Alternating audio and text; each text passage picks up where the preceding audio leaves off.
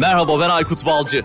Artık ofiste beraberiz. Günlük çalışma ortamında yaptığımız sohbetleri, kahve aralarında konuştuğumuz hikayeleri, keyif aldığımız her şeyi ve çok daha fazlasını Hedef Filo'yla Değişik Kafalar podcast'inde konuğumla birlikte konuşuyoruz. Biz değişik kafalarız. Hedef Filo'yla Değişik Kafalar podcast'inin yeni bölümünden herkese merhaba. Bu bölümde konuğum Bu Smart'ın kurucu ortaklarından Harun Ünlüsoy ve dijital projelerde başarıyı konuşacağız. Harun hoş geldin, selamlar. Selamlar Kod, selamlar. Ne haber, nasılsın? Çok sağ ol, çok çok teşekkür ederim. Dijital projeler deyince çok geniş bir konu böyle. Birçok evet, proje doğru. var. Dijital konusu da son iki yıldır özellikle her sektörde karşımıza çıkıyor. Belki biraz bunları anlatacaksın bize ve tabii ki dijital projelerde nasıl başarı sağlanır bunlara gireceğiz. Ama öncesinde biraz seni evet. tanıyalım istersen. Neler yapıyorsun? Bu Smart'ta neler yapıyorsunuz? Sen neler yapıyorsun? Ondan sonra da konumuza gireriz. Harika memnuniyetle. Ee, özellikle dediğim gibi son iki yıl dijital hakikaten inanılmaz önemli oldu pandemiyle beraber. Biz de son iki yıldır biraz daha mesleğimizi aşırı bir şekilde yapar hale geldik. Benim ana uzmanlık alanım dijital pazarlama ve dijital projeler diyelim aslında. Çok geniş bir kapsam biliyorum ama internet sitesindeki uzmanlıktan tutun da belki bir internet sitesinin kullanıcı arayüzü veya kullanıcı deneyiminden tutun da dijital pazarlamada doğru kullanıcı erişmeye kadar çok geniş bir uzmanlık alanında mecburen mesleğimizi yapıyoruz. Özellikle son iki yıldır da firmaların bu dijitalleşmeyle alakalı yoğun performansları diyelim, yoğun eforları, yoğun çabalarına mecburen çok yoğun bir mesaiyle bize yanıt vermeye çalışıyoruz. Ana uzmanlık alanım dijital pazarlama, Google reklamları, Facebook reklamları, Instagram reklamları, web sitesindeki performans yönetimi veya aslında daha da bir alt başlık olarak performans pazarlaması diyebiliriz. Son 8 yıldır da bu Smart olarak aslında 2014 yılından bu yana e, bu Smart sadece bu alanda performans pazarlaması alanında firmalara hizmetler veriyor. Harika. Peki Dijitalleşme konusu özellikle son iki yıldır belki zorunlu bir şekilde karşımıza çıktı. İşte Covid-19 bağlamı birçok kullanıcının yeni kararlar almasına neden oldu. Öyle diyebiliriz. Alışık olduğumuz kararlarda bile daha az seçenek karşımıza çıktı. Daha fazla zorunlulukla karşı karşıya kalındı. Açıkçası bu satın alma süreçlerinin nasıl olduğunu yani nasıl değiştiğini merak ediyorum. Mutlaka bununla ilgili araştırmaları okuyorsun, deneyimlerim var, tecrübelerim var. Kullanıcıların satın alma davranışlarında neler değişiyor? Belki bunu sorsam bununla başlasak iyi olur. Evet olabilir. Şimdi şöyle aslında biz son iki yıldır özellikle pandemiyle beraber inanılmaz bir firmaların cirolarını dijitale taşıma baskısı hissediyoruz. Buna baskı diyorum çünkü ilk bir yıl özellikle pandeminin ilk bir yılı çok keyifli sayılmaz bu anlamda. Çünkü firmalar fiziksel mağazalarını kapattılar, büyük ölçüde kapattılar veya cirolar çok minimum düzeylere erişti. Bu seviyedeyken firmaların dijitalden gelen ciroyu maksimize etme, yükseltme ihtiyaçları ortaya çıktı. Bunu yaparken de çok yoğun bir dijitalleşmeyi aslında yürütmek zorunda kaldılar. Ama bu böyle çok keyifli bir aslında süreç değildi. Çünkü dijitalleşme biliyorsunuz firmaların e, hani 10 tane şeyin onu da yaptım. Hadi 11. basamak olarak bir de bunu düzgün yapayım, bir de bunu iyi yapayımın projesi oluyor genellikle. Normal dijitalleşme projesi yürüten markalarda ama pandemi 2 yılında özellikle bu biraz zorunluluktan gelen bir aslında bir e, dijitalleşme süreciydi. O dönemde kendi firmaların aslında çokça hatalar yaptıklarını, paralar kaybettiklerini yine bir kez daha şahit olduk. Yani ciro yükseltelim diye aslında dijitalleşmeye çalışıyorlar ama tam aksine aslında bir de para kaybıyla beraber dijitalleşen bir sürece doğru girmiş oldular. Bolca hatalar yapıldı bu dönemdeyken, bolca tutmayacağı aslında önden belli olan projelere bu dönemdeki imza atıldı. Firmaların özellikle bu dönemdeyken tüketicinin offline'daki yani fiziksel mağazalardaki aslında deneyimini online'da yakalayabilme aslında gücü burada çok öneme, önem aslında arz etti diyelim. Çünkü firmalar normalde fiziksel mağazalarında bir tüketicinin gidip bir kıyafeti deneme imkanı verebiliyorlardı veya bir yatak satın alırken üzerine gidip şöyle bir uzanıp oradaki aslında o yatağı bana uygun mu değil mi diye bakma imkanımız oluyordu. Şimdi dijitalleşen dünya ile beraber yatak deneyimini dijitalleştirmek veya bir kullanıcının bir kıyafete bakarken bu bana olur mu, bu benim e, ten rengime uygun mu, bu benim vücut kalıbıma uygun mu'nun yanıtını vermesi gerekli oldu firmaların. O yüzden de dijitalleşme aslında birçok anlamda olayı farklı bir boyuta taşıdı. Normalde hem bu augmented reality dediğimiz aslında bu e, işte sanal gerçeklik e, göz, gözlükleri, işte bu sayede aslında normal bir ürüne baktığınız zaman o kıyafetin kendi üzerinize nasıl duracağıyla alakalı bir takım projeler türedi. Gözlük firmaları bu konuyu inanılmaz yatırım yaptılar. Bir gözlüğün normal vücudunuza, kaşınıza ne kadarını kapatacak, yüzünüzü ne kadar kapatacak kısmının özellikle çok e, popüler projeleri meydana geldi. Firmalar bir ürünle alakalı o kıyafetin üzerinize nasıl e, duracağıyla alakalı birçok üçüncü parti platformu kendi internet sitelerine entegre ettiler. Veya yatak firmaları örneğin işte e, şu kadar gün yat, dene ve ondan sonrasında istersen koşulsuz şartsız iade edebilirsin gibi bir takım deneyimleyemeden satın alınan bir ürün olduğu için bu yatak ürünü onlara alakalı uzun uzatılmış garantiler ve bir takım aslında ön şartsız iade gibi koşullar e, gündeme getirdiler. Bazı firmalar iade politikalarıyla alakalı koşulsuz ve ücretsiz iade yani aynı zamanda iadenin aynı zamanda kargo maliyetini katlanacak şekilde bir takım yeni politikalar geliştirdiler. Geçici tabii bu dönemdeyken özellikle pandemi dönemindeyken artık çok fazla miktarda aslında mağaza gezmek istemedi. Özellikle en yakın mağazada o ürünüm varsa gideyim gibi bir takım arayışlara girdi bu dönemdeyken. O yüzden de firma da aynı zamanda bu bizim omnichannel dediğimiz aslında deneyimin hem online'da hem de aynı zamanda fiziksel mağazalarda nasıl bir e, akışta e, devam edeceğine dair yeni projeler geliştirdiler. Hangi mağazada hangi ürün vara kadar artık firmalara bu bilgileri sunar hale geldiler diyebiliriz. Peki pandemi sonrası bu kazanılan alışkanlıklar devam eder mi sence yoksa eski haline döner mi? Yoksa kazandık mı artık o alışkanlıkları? ya şöyle bence bazı açıkçası kemikleşen bence konular iyice artık kemikleşti bence. Çünkü insanların dijitalleşmenin e, hayatımıza zorunlulukla getirdiği bir takım şeyler var ama bir yandan keyifli yanları da var. Yani o keyif açıkçası firmalar artık hem firmalar hem de tüketiciler bırakmak istemiyorlar. Tüketicinin açısından bu keyif bir ürünü evinden çok fazla miktarda alternatifi aynı anda eş zamanlı olarak hem fotoğrafını hem görselliğini hem yorumlarını hem de aynı zamanda fiyat karşılaştırmasını oturduğu yerden kendi cep telefonundan yapabilme özgürlüğü ve rahatlığını hiç kaybetmek istemiyorlar bu dakikadan sonra. Üstelik de bu deneyimi normalde yaşama yaşı artık 30'lu yaşlardan iyice 40'lı yaşlara 50'li yaşlara kadar bu anlamda yükselmiş durumda. Normalde Aa, bu işin ortalarına baktığımızda tabii tabii aynen yani artık bizim annelerimiz, babalarımız, anneannelerimiz bile bu anlamda artık artık dijitali kullanır hale geldiler. Çünkü o ihtiyacı gidermenin artık tek yöntemin bazı konularda dijitalden geçiyor artık baktığımızda. O yüzden de kullanıcıların dijitalleşmeyle alakalı yaş grubu yükseldi. O yüzden bu edinilmiş davranışın bir daha yine eski haline geleceğini ben düşünmüyorum. Ama bir yandan da biz e, başka e, Google My Business gibi aslında kullanıcıların e, mobility report dediğimiz aslında yani mobilleşme rapor dediğimiz aslında bir rapor türü var. Sektörde bu şekilde anılıyor diyelim. Bu şu anlama geliyor e, kullanıcıların o dönemdeyken fiziksel bir mağaza arama sayılarını takip edebiliyoruz. Yani örneğin en yakın işte X mağazası, en yakın Y mağazası gibi aramalarını takip edebiliyoruz. Yönettiğimiz müşterilerimize de bu raporları kıyasladığımız zaman pandeminin son bulduğu zamanlarda veya yavaşladığı zamanlarda hem geçen sene hem de günümüzde yani 2021 yılında da 2022 yılında da şu an itibariyle aslına baktığımızda pandeminin azaldığı günlerde mobilitenin yükseldiğini görüyoruz. Yani bu şu anlama geliyor. Dijital bu dönemdeyken bir miktar düştü. Ciro anlamında söylüyorum. Ama fiziksel mağazanın cirosu bunu kompanse edecek şekilde yükselmeye başladı. Bu tabii bir yandan aslında iyi de haber, haber sayılır. Çünkü dijital evet çok önemli ama bir yandan da bizim çok e, uzun zamandır alışageldiğimiz bir takım alışkanlıklarımız var. Fiziksel mağaza bir ürüne dokunmak gibi ya da e, oradaki ürünü oradan temin etmeye devam etmek gibi. Hem bu çok büyük bir ekosistemin yaşamaya devam edebilmesi için çok önemli. AVM'ler, fiziksel mağazalar, ödenmiş kiralar veya ödenecek kiralar açısından bu çok önemli. Hem de bir o kadar da insan gücünün işsiz kalmaması için açıkçası çok önemli olan bir ihtiyaç. Bu yüzden de dijitalleşme önemli ama birdenbire çok hızlı dijitalleşme de e, başka sektörlerin çökmesine sebep olabilir.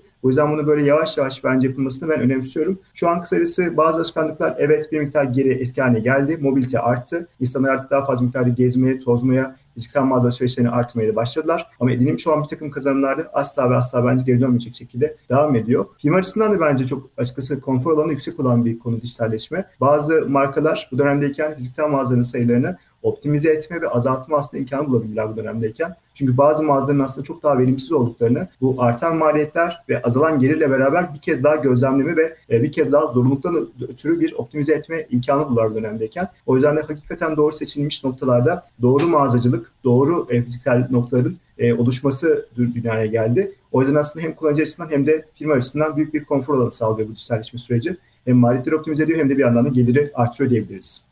Kesinlikle iş yerleri de bu dönem içerisinde evden çalışmanın daha maliyetleri azaltan bir yöntem olduğunu keşfetti. Çalışanlar tarafı da yani karşılıklı bir win-win oldu aslında. Bilmiyorum bundan sonrası için nasıl olur? Nasıl devam eder? Eski alışkanlıklar umarım devam etmez. Evden çalışma güzel. Bazıları sevmiyor mu? Bilmiyorum. Sen seviyor musun? Ya ben şöyle düşünüyorum. Biz açıkçası dijitalleşmeye e, çok alışık olduk bir alış, alışık olan bir sektör olduğumuz için. Yani pandemi sanırım 17 Mart'tı galiba. 17 Mart işte 2 yıl öncesinden bahsediyorum artık 2000 20 e, yılında. 17 Mart'ta iki vakaya çıktı. Biz 18 Mart'ta herkes ilk toplantısını hiç yani problemsiz bir şekilde hakikaten yapar ve birbirini kontrol edebilir ve ne iş yaptığını öğrenebilir durumdaydık resmen. O yüzden bizim dijitalleşmeye, bu zorunlu dijitalleşmeye adım atmamız bir gün sürdü bizim tarafımıza. Ben, ben o dönemdeyken e, verimliliğimizi ve azalma şahsen görmedim. Halen aslında şu an itibariyle artık bu e, çok yoğun bir şekilde evden çalışma zorunluluğumuz artık yok birçok firma içerisinde hatta Google, Google gibi, Microsoft gibi, Apple gibi firmalar bile baktığımızda globalde e, yeniden iş yerine dönüşü biraz e, teşvik eden hatta bazen zorunlu hale getiren politikalar devreye alıyor. Ama biz mesela kendi şirketimizde bu Smart'ta bu zorunluluğu hale getirmedik. Çünkü bir açıkçası pandemiden önceki iki sayımızla beraber pandemiden sonraki iki sayımıza baktığımız zaman zaten yapamaz duruma geldik. Yani şu anki ofisimizin fiziksel koşulları 36 kişi aynı anda kaldırabilecek durumda şu an değil açıkçası. Ya maksimum belki 20-25 kişi aynı anda kaldırabilir durumda. O yüzden zaten e, mecburen evden çalışmaya devam etmek zorundayız ekstra bir hamle yapmadığımız sürece. Bir yandan da ben açıkçası motive oluyorum çünkü bazen özellikle dedike bir şekilde fokuslanmış bir şekilde çalışmak için bile bence evden çalışmanın avantajları yüksek. Tabii bunu yaparken bir hani özel hayatla iş hayatının aynı yerde, aynı lokasyonda dönmesinin bir takım dezavantajları var. Ona dikkat etmek lazım. Ben de açıkçası bunu biraz böyle akşamları e, iyice artık hani yürüyüşüme, sporuma falan önem vererek konuya ağırlık vererek bir şekilde bir çözmeye çalışıyorum. Onun dışında keyfimiz yerinde şu anda. Herkes sanırım mutlu. Harika, süper. Peki girişte şey dedin, performans pazarlamasıyla ilgili çalışmalar yapıyoruz dedin. Performans evet. pazarlaması nedir? Benim bildiğim kadarıyla işte kişiselleştirilebilir olması, veriye dayalı olması ve ölçümlenebilir olması ya da iyileştirilebilir. Evet. Onun dışında yani ya benim anladığım bu pazarlamadan, performans pazarlamasından ama sen böyle daha ayrıntılı bir şekilde bize en iyi şekilde anlatırsın diye düşünüyorum.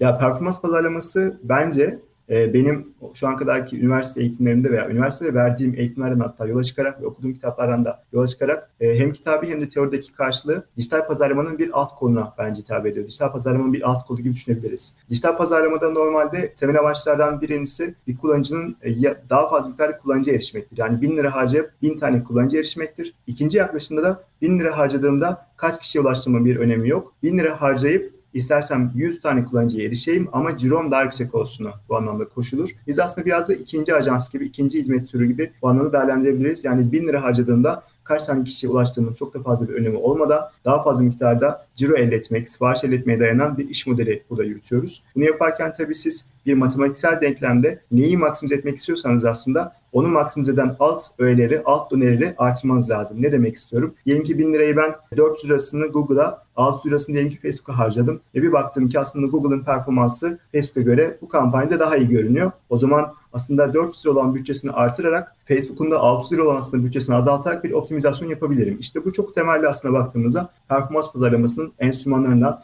oyun alanlarından bir tanesi gibi düşünebiliriz. Bu aslında kırılımı aynı zamanda mecralara, Google, Facebook, Instagram gibi, Twitter gibi, LinkedIn gibi mecralara, bunun alt hedeflemelerini girdiğimiz zaman teknik terim kullanacağım burada ama örneğin Google'ın custom intentleri vardır, custom affinity audience'ları vardır, arama kampanyaları vardır, görüntü reklamı kampanyaları vardır, alışveriş reklamları kampanyaları vardır. Buna kırdığınızı düşünün. Aynı zamanda bu kampanyaları örneğin cep telefonu satıyorsanız eğer cep telefonu, Android cep telefonu, iOS cep telefonu gibi alt kelimeleri böldüğünüzü düşünün. Bu kampanyaları aynı zamanda işletim sistemi olarak iOS cihazları ve Android cihazlara böldüğünüzü düşünün. Bu cihazları aynı zamanda iOS cihazlar örneğin iPhone 7 ile iPhone 13 gibi farklı cihazlara böldüğünüzü düşünün. İstanbul, Ankara, İzmir gibi farklı lokasyonlara böldüğünüzü düşünün. Bütün bastı kırımların aynı zamanda aynı e, havuzda yönetilip hangisi iyi ise bütçesini yükseltmek, hangisi kötüyse de bunu bütçesini azaltmak gibi bir yaklaşımdan bahsediyoruz aslında performans pazarlamasında. Oldukça yoğun mühendisliğin gerektirdiği açıkçası çok matematiksel işlemlere dayanan bir meslek kolu diyebiliriz. Alt başlıkları olduğunu söyledin yanılmıyorsam. Mesela orada kullanıcı deneyimi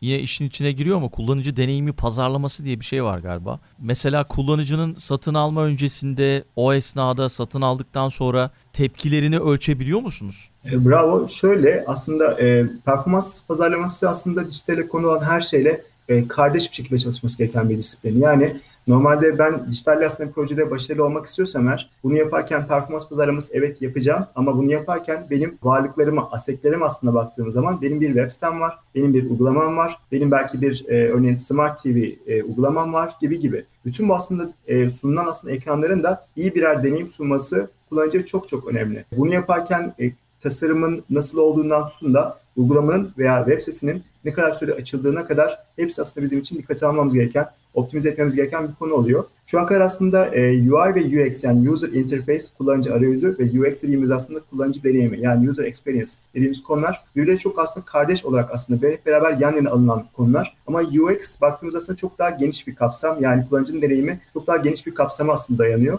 Burada e, kullanıcının arayüzlerinden konuda belki görülen butonun rengi, e, butonun sağda mı solda mı olduğu verisi veya işte orada sepete ekle veya satın al butonu yazması bir aslında UI elementiyken, bir kullanıcı arayüzü elementiyken kullanıcının siparişini verdikten sonra e, işte ilgili kargo firması tarafından ona bir SMS gelmesi, işte kargonun yola çıkmıştır denilen konu ise kullanıcının deneyimine giriyor. Veya kullanıcının diyelim ki iade etmek istiyor diyelim ki bu ürünü. Ben bu iade etmeyle alakalı talebimi online'den başlatacağım, müşteri hizmetlerini arayacağım, bunu yaparken kaç dakika bekleyeceğim? Otomatik bir IVR sistemi yani bir Interactive Voice Response gibi bir e, yazılım mı bu esnada bir 444 numara aradığında veya müşteri hizmetlerini aradığında beni yönlendirecek veya gerçek kişi hemen bağlanıp birkaç dakika içerisinde benim çözüme e, bir, bir e, yanıt mı verecek? Veya ben bunu iademi yaparken bu kullanıcının e, ekstra cebinden bir para çıkacak mı? Yani kargo maliyetlerini kendisi mi karşılayacak? Veya iade edilen konu için ayın sonunu beklemem gerekiyor yoksa hemen mi iade olacak? Veya kredi kartıma Türk lirası olarak bana bunu iade edeceksin veya bana puan yükleyeceksin ne kadar? Her şey aslında baktığımızda UX'in birer parçası tabii ki de. Bu konu inanılmaz önemli ve bunu yaparken açıkçası üçüncü parti firmalar ve ajanslar var ama ben hep şöyle söylüyorum. UI ve UX denen konu herhangi bir üçüncü partiye bırakılamayacak kadar önemli bir konu bence. O yüzden de bir projenin yönetim kurulu başkanından tutun da bence o projeye hizmet eden bir kargo görevlisi, depo görevlisinin ve tabii ki müşterinin hepsi, hepsinin ayrı ayrı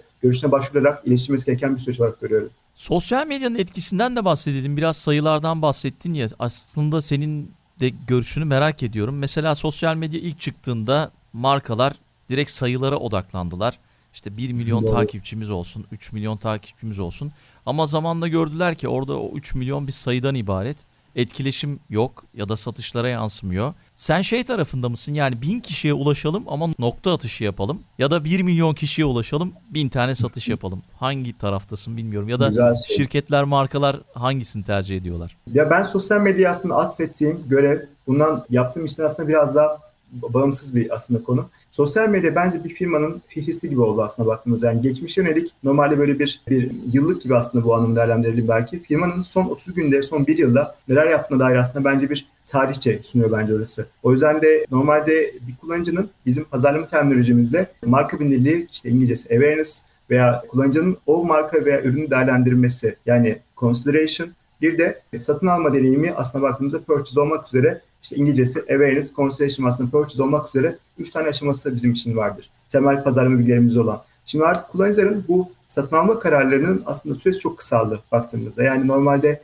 bizim e, eskiden bundan 10 yıl önceki pazarlama kampanyalarımıza baktığımızda Ocak ayında marka bilinirliği, Şubat ayında değerlendirme, Mart ayında da örneğin satın alma kampanyaları yürütürdük. Yani aslında bunlar faz faz aylara bölünürdü veya dönemlere bölünürdü. Ama şu an baktığımızda kullanıcının bir ürünü ilk kez maruz kalması, ilk kez tanımasından satın almasına geçen ki aslında kalan süre belki 2 dakikaya kadar belki düşmüştür. 3 dakikaya kadar düşmüştür. Durumda böyle olunca aslında her şey iç içe girmesi gerekiyor. E o zaman şimdi kullanıcının normal eskiden yaptığımız kampanyalarda awareness yani bu kullanıcının marka bilinirliği aşamasındayken markayı tanıma, değerlendirme için bir süresi oluyordu. İlk kez görüyordu bir markayı bir rafta, bir market rafında sonrasında o ürüne maruz kalmaya devam edip arkadaşına soruyordu. O ürünlerle alakalı bir araştırma yapıyordu vesaire. Ve bu ister istemez bir aylık bir süresi vardı. E madem artık öyle bir süre yok işte o zaman bu olayı aslında hızlandıran konu bence eşittir sosyal medya. O yüzden de sosyal medyadaki kümülatif olarak bir Instagram postunun normalde 10 gün öncesinde, 20 gün öncesinde, 30 gün öncesinde ne vara kadar bence kullanıcıya bakmaya devam ediyorlar. Bu yüzden de burayı bence mümkün olduğunca yaşayan bir ortam yapmak gerekiyor. Ee, bu yaşayan ortam firmalar için baktığımızda ekiplerin fotoğraflarından tutun da beraberce katılınan bir etkinlikte çekilen fotoğraflara kadar burası aslında burası bir malzeme edilebilir. Ya yani bu, bu malzemeler burada değerlendirilebilir belki. Veya zaman zaman da aslında kullanıcılarınıza, hedef kitlenize vereceğiniz ekstra bilgiler, sektörünüzle alakalı bilgiler tüketicinize, eğitmenize son derece faydalı olabilir. Eğer şampuan satıyorsanız eğer içerisinde örneğin e, işte X malzemesi veya Y malzemesi veya işte o e, saça zarar veren bir ürün olup olmadığı ile alakalı ekstra paylaşımlar burada dikkate alabilir. Eğer ki bebek maması satıyorsanız eğer annelerin dilinden çocuğunuzun aslında beslenmesine ne kadar önem verdiğimizle alakalı ekstra yaklaşımlar, hassasiyetler ele alınabilir gibi gibi. Bu yüzden açıkçası sosyal medya bence zamanı hızlandıran bir kavram. Bu yüzden de marka açısından çok çok kıymetli diyebilirim. O yüzden de bence bunu yaparken, sosyal medya yatırımını yaparken firmaların e, işte bu kadar lira harcadım, bu kadar lira kazandığıma çok bakmaları önermiyorum. Çok daha çünkü öte bir kavram orası bizim için. Geçmişimiz biz, bizim için baktığımızda. O yüzden de biraz e, bizim İngilizce tabirle ROI yani bu Return of Investment yani yatırımın geri dönüş oranından bağımsız değerlendirilmesi gereken bir alan diyebiliriz. TikTok ne durumda peki? Ona bakış TikTok, açın nasıl? Evet TikTok geçen sene 2021 yılında en fazla aslında kullanılan uygulama haline geldi. Geçen Ama kim kullanıyor bunu? Yani çevreme bakıyorum kimse kullanmıyor. Yani yani kimse kullanmıyor bilmiyorum. Ben mesela kullanmıyorum. Kim kullanıyor TikTok'u? TikTok'u aslında yaş grubu aslında bu anlamda iyice artık yükseliyor. O yüzden de TikTok'u eskiden ben de bir, buna 3 yıl öncesine kadar ben de kullanmıyordum ama şu an artık özellikle bu yakın zamanın o konularını değerlendirmek için iyi bir aslında malzeme haline geldi. Bu yakın zamanın konuları ne demek? Bir şampiyonu kutlanıyor ya da örneğin bir dünyada bir olay oluyor mesela. Bunlar hakkında hakikaten en fazla miktarda medya içeriğinin üretildiği yer işte şu an itibariyle TikTok haline geldi. Yani bakın Instagram'dan bahsetmiyorum, Facebook'tan bahsetmiyorum veya Google'dan bahsetmiyorum veya YouTube'dan bahsetmiyorum. İnanılmaz bir şekilde yaygın bir şekilde medya üretim merkezi haline geldi TikTok. Özellikle yurt dışında çok daha popüler, Türkiye'deki penetrasyonu çok yaş grubu küçük bir aslında yaş grubunun küçük olduğu alakalı bir kanı var. Ama bu yaş grubu şu an itibariyle büyüyor. Her şeyden önce zaten TikTok platformunun popüler olduğu yıllardan bu yana artık yıllar geçti. Yani üzerinden bir yıl geçti, iki yıl geçti, üç yıl geçti derken o yaş grubu artık zaten büyüyor, üniversiteden mezun oluyor. E, bir yandan açıkçası artık early adapter dediğimiz bir teknolojiye erkenden adapte olan aslında kitle de platforma zaten ilgisini beyan ediyor. Biz zaten beyan ettikçe bu konuda bizi takip eden başka başka kitleler, follower dediğimiz aslında kitleler bizim yaptığımıza bu anlamda yeniden replika edip, kopyalayıp bu anlamda onlar da bu sektöre ve bu uygulamaya girmeye başlıyorlar. Ya da açıkçası ben çok eğlenceli buluyorum açıkçası. Ben e, içerideki bazı malzemelerin e, iyi birer ilgi e, tespitini içeride yaptığınız zaman yani takip ettiğiniz kanalda iyi belirlediğiniz zaman çok eğlenceli bir yer olarak görüyorum bir yandan TikTok'u. Bir de TikTok'un özellikle yakın bir zamanda belki bizim aslında canlı satın alma dediğimiz bir videoda bir ürünün tanıtıldığı anda e, o ürünle alakalı bir indirimin sunulduğu özel biliyorsunuz yurt dışında yaklaşımlar platformlar gelişti şu an itibariyle. Yani bir ürünü anında tanıtıyor video ortamında ve bu ürünle alakalı anında bir satış yapılıyor. İşte 100 liraya örneğin 60 liraya 90 liraya neyse bu ürünün satışı yapılıyor. Şimdi bu ürünle alakalı aynı zamanda bu yaklaşımla alakalı TikTok'ta yeni yatırımlar yapıyor şu an itibariyle. Sırf bu yüzden bile bence sektörümüzde çok ciddi bir şekilde yer alacak olan, takip edilmesi gereken bir mecra diye düşünüyorum ben. Anlık satışlar televizyonda yapılırdı eskiden. Hala evet. geleneksel olarak yapılıyor ama yani demek ki artık oradan işler yürüyecek. O evet, anlık ya. satış olayı da gerçekten dünya üzerinde birçok ülkede çok popüler ve inanılmaz satışlar yapılıyor oradan. Türkiye'de evet, yok kesinlikle. galiba artık öyle Zaman zaman var, şey mi? var da yani ayrı bir televizyon evet. olarak yok herhalde ama aralarda böyle satışlar yapılıyordu herhalde. Ben de şu anki kullanmış olduğum dijital platformlarda sanırım yok işte bu e, normal Bean'de veya Türksel TV'lerde görmüyorum ama sanırım uydu kanallarında hala var sanırım. Ama evet, evet. sanırım popülerliği azaldı galiba. Hani biraz aslında online taşındığı için bu mevzularda böyle bir durum var. Artık firmalar Instagram'dan yaptıkları canlı yayınlarda özel e, indirimler yapıyorlar biliyorsun. Veya bir takım aslında üçüncü parti platformlarda veya yazılımlarda bunlar hakkında indirimi orada yapıp anında o işin satışını yapıp çok avantajlı fiyatlarla çok yüksek bir erişime kavuşabiliyorlar. Artık bir de firmalar konuyla alakalı kendi yatırımlarını da yapmaya başladılar. Yani pazar yerlerinde bununla alakalı modüller geçiştiriliyor. Ve aslında pazar yerlerindeki bu modüller de kendi canlı yayınlarında o ürünün çok indirimli fiyatlarla satın alınmasını sağlayabiliyorlar. Harika. Peki son olarak şunu sorayım. Dijitalleşmede başarılı olmak için girişimciler, işte şirketler neler yapmalı? Yani çok geniş bir konu ama belki böyle birkaç tane püf noktasından bahsedersin bize. Evet doğru. Ya şöyle bence dediğim gibi çok geniş bir konu gerçekten. Ben girişimciliğin başarılı olması meselesini önce girişimcilere bağlıyorum. Yani girişimcilerin bence uyumu bu anlamda çok önemli. İki kişi bir araya geldiniz diyelim ki henüz bir yıldır beraber çalışıyorsunuz ve bu insanla beraber kafalarınızın uyuştuğunu, beraber çok eğlendiğinizi fark ettiniz ve gelin beraber bir proje yapalım dediniz diyelim ki. Ben buradaki içerideki yetenek havuzuna yani A insanın Ahmet olsun birinci insanımız ismi, ikinci insanımız ismi diyelim ki Merve olsun. Ahmet diyelim ki finanstan, tasarımdan ve aynı zamanda satıştan anlıyor diyelim ki. Merve de diyelim ki finanstan ve aynı zamanda diyelim ki e, bir de insan kaynakları yönetiminden anlıyor diyelim ki. Bir de üzerine diyelim ki mesela aynı zamanda yazılım yapıyor diyelim ki Merve. Şimdi bakın 3 tane fonksiyon Ahmet'te var, 3 tane fonksiyon Merve'de var. Belki bu 3 tane fonksiyonun yan yana birleşmesinden doğan 6 tane fonksiyon eğer ki bir şirketin ilk tutundurulmasına yani temel fonksiyonların karşılamasına yeterli olmazsa eğer Ahmet ve Mehmet başarılı olamayabilirler. Çünkü bu durumda örneğin satış diyelim mesela diyelim ki satışla alakalı veya pazarlama ile alakalı eksik bir fonksiyon varsa içeride durumda şirketin ilk günlerinde satış yapmasıyla alakalı konularda Ahmet ve Merve yetersiz kalacaklardır. O yüzden mutlaka ki bununla alakalı üçüncü parti bir çözüme belki ajanslara belki bir danışmanlık firmasına ihtiyaç duyacaklardır. Ama bunu yaparken üçüncü parti firmanın bir şirketin temel bir hücresine, temel bir DNA'sına çok temel bir fonksiyonu enjekte etmesi çok zor oluyor bu anlamda. Yani çünkü o şirket o ofiste o garajda veya o binada kurulmalı mümkün olduğunca. Yani ilk kurulum aşamasındaki temel fonksiyonların karşılanması gerekiyor. Bu yüzden girişimciler bence ilk önce girişimci karması dediğimiz yetenek havuzuna oluştururken e, benim özelliklerim neler, ortamın özellikleri neler ilk önce bakmaları lazım. Eksik bir fonksiyon kalıyor mu bir bu anlamda değerlendirmeleri gerekiyor. Bir de her şirketin bence denetleyen ve yapan ilişkisini kurması lazım. Yani diyelim ki ben finansı diyelim ki ben bakıyorum. Denetleyen kim? Merve. Peki Merve diyelim ki mesela yazılım yapıyor. Peki denetleyen kim? Yok. İşte o zaman burada bir sıkıntı var demektir. Yani her fonksiyonu aynı zamanda yapan ve denetleyen ve aynı zamanda backuplanan ya da yedeklenebilen bir sisteme bir anlam ihtiyaç duyuluyor. Belki finans anlamındaki belki işi Ahmet'in yaptığı işi belki Merve yedekleyebilir ama Merve'nin yapmış olduğu bir tasarım hizmetini belki Ahmet belki yedekleyemeyebilir. İşte bu durumda aynı şekilde bu yedekleme, yedekleme ile alakalı konuyu ben nasıl çözeceğimi bilmem gerekiyor. Bir diğer konu ben e, firmaların, e, bir girişimcilerin özellikle iş kurmadan önce biraz mesai yapmalarını o anlamda önemsiyorum. Yani beraber eğlenmek, beraber iyi bir arkadaş olmak kuzen olmak, arkadaş olmak, kardeş olmak veya 10 yıldır arkadaş olmak iyi birer bence girişimci karması oluşturmak için bence yeterli değil. Bu yüzden de beraber ortak bir mesai yapmak, bir projeyi beraber hayal etmek, biraz tasarım çizim yapmak, belki bu bir dijital projeyse çok önemsediğim konular. Bir diğer konuda bence doğru kararların e, beraber istişare yoluyla alınması. Ama bunu yaparken her kararın bir alınmasından bahsetmiyorum. Yani küçük bir, orada bir diyelim ki bir, bir inisiyatif olması gereken bir alan var. Merve bunu kendi başına verebilmeli. Ama bir harcama kararı verecek diyelim ki ve bu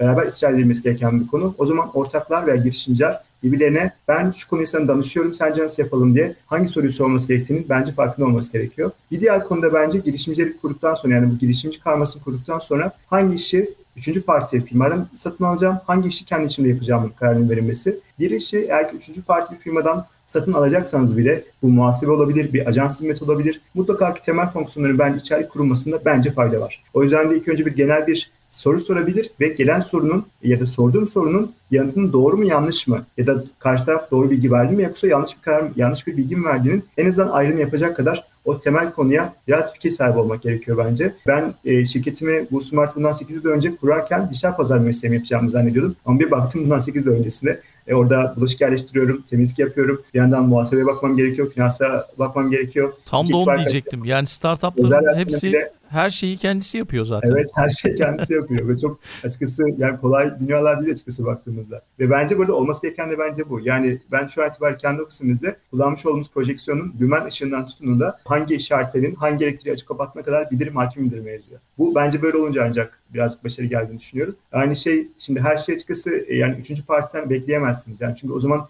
her şey çok pahalı hale geliyor açıkçası. O yüzden de bazen mesela diyelim ki ofisinizde çok küçük bir tadilat var, ihtiyacınız var diyelim ki. Bunu kendi başınıza çözmeyi ve ucuz yöntemler çözmeyi bence bilmeniz gerekiyor, çözmeniz gerekiyor. Diğer türlü her şeyin üçüncü partilerden çözülmesi, gelişimin kendi öz sermayesini tüketen bir kavram haline geliyor. Onu firma zannediyor ki bir temiz bir ofisin mesela temizliği için bir temizlikçi çağırmak şarttır zannediliyor ama halbuki bence değil. Yani kısıtlı kaynaklarla oluşan bir proje ise bence bu. İlk önce bir şekilde bunu alternatif çözümler sunulması ve giderilmesi gereken bir kavram olarak görüyorum ben bu konuyu. Kesinlikle. Birine bir görev verdiğim zaman yapmadı diyelim ki. Yapmaması benim için çok daha iyi oluyordu. Onu kendim öğrenip kendim yapıyordum. Çünkü zamanında yapılmıyordu o işler ve kendim öğrenme şansını yakaladım. Öğrenebiliyorsun bu arada artık her yerde her şey var Kesinlikle. bir şekilde. Uzmanlığı da olmuyor ama öğrenebiliyorsun. Değişik kafalar anladığım kadarıyla bunlar. evet değişik kafalar doğru. Peki çok çok teşekkürler Harun. Yine efsane bölümlerden biri oldu. Çok teşekkür ediyoruz sana. Kısa sürede birçok şey anlattın. Hızlı bir şekilde geçtik. Umarım dinleyenler için de yararlı olmuştur. Katıldığın için çok sağ ol. Ben teşekkür ederim davetiniz için. Gerçekten çok güzel bir bence podcast kanalı. Ben de takip ediyorum diğer yayınları. Harika içerikler üretiliyor. Herkese teşekkür ederim bu anlamda katkı sunan herkes için. Türkiye'nin öncü filo kiralama şirketi Hedef Filo'yla değişik kafalar sona erdi.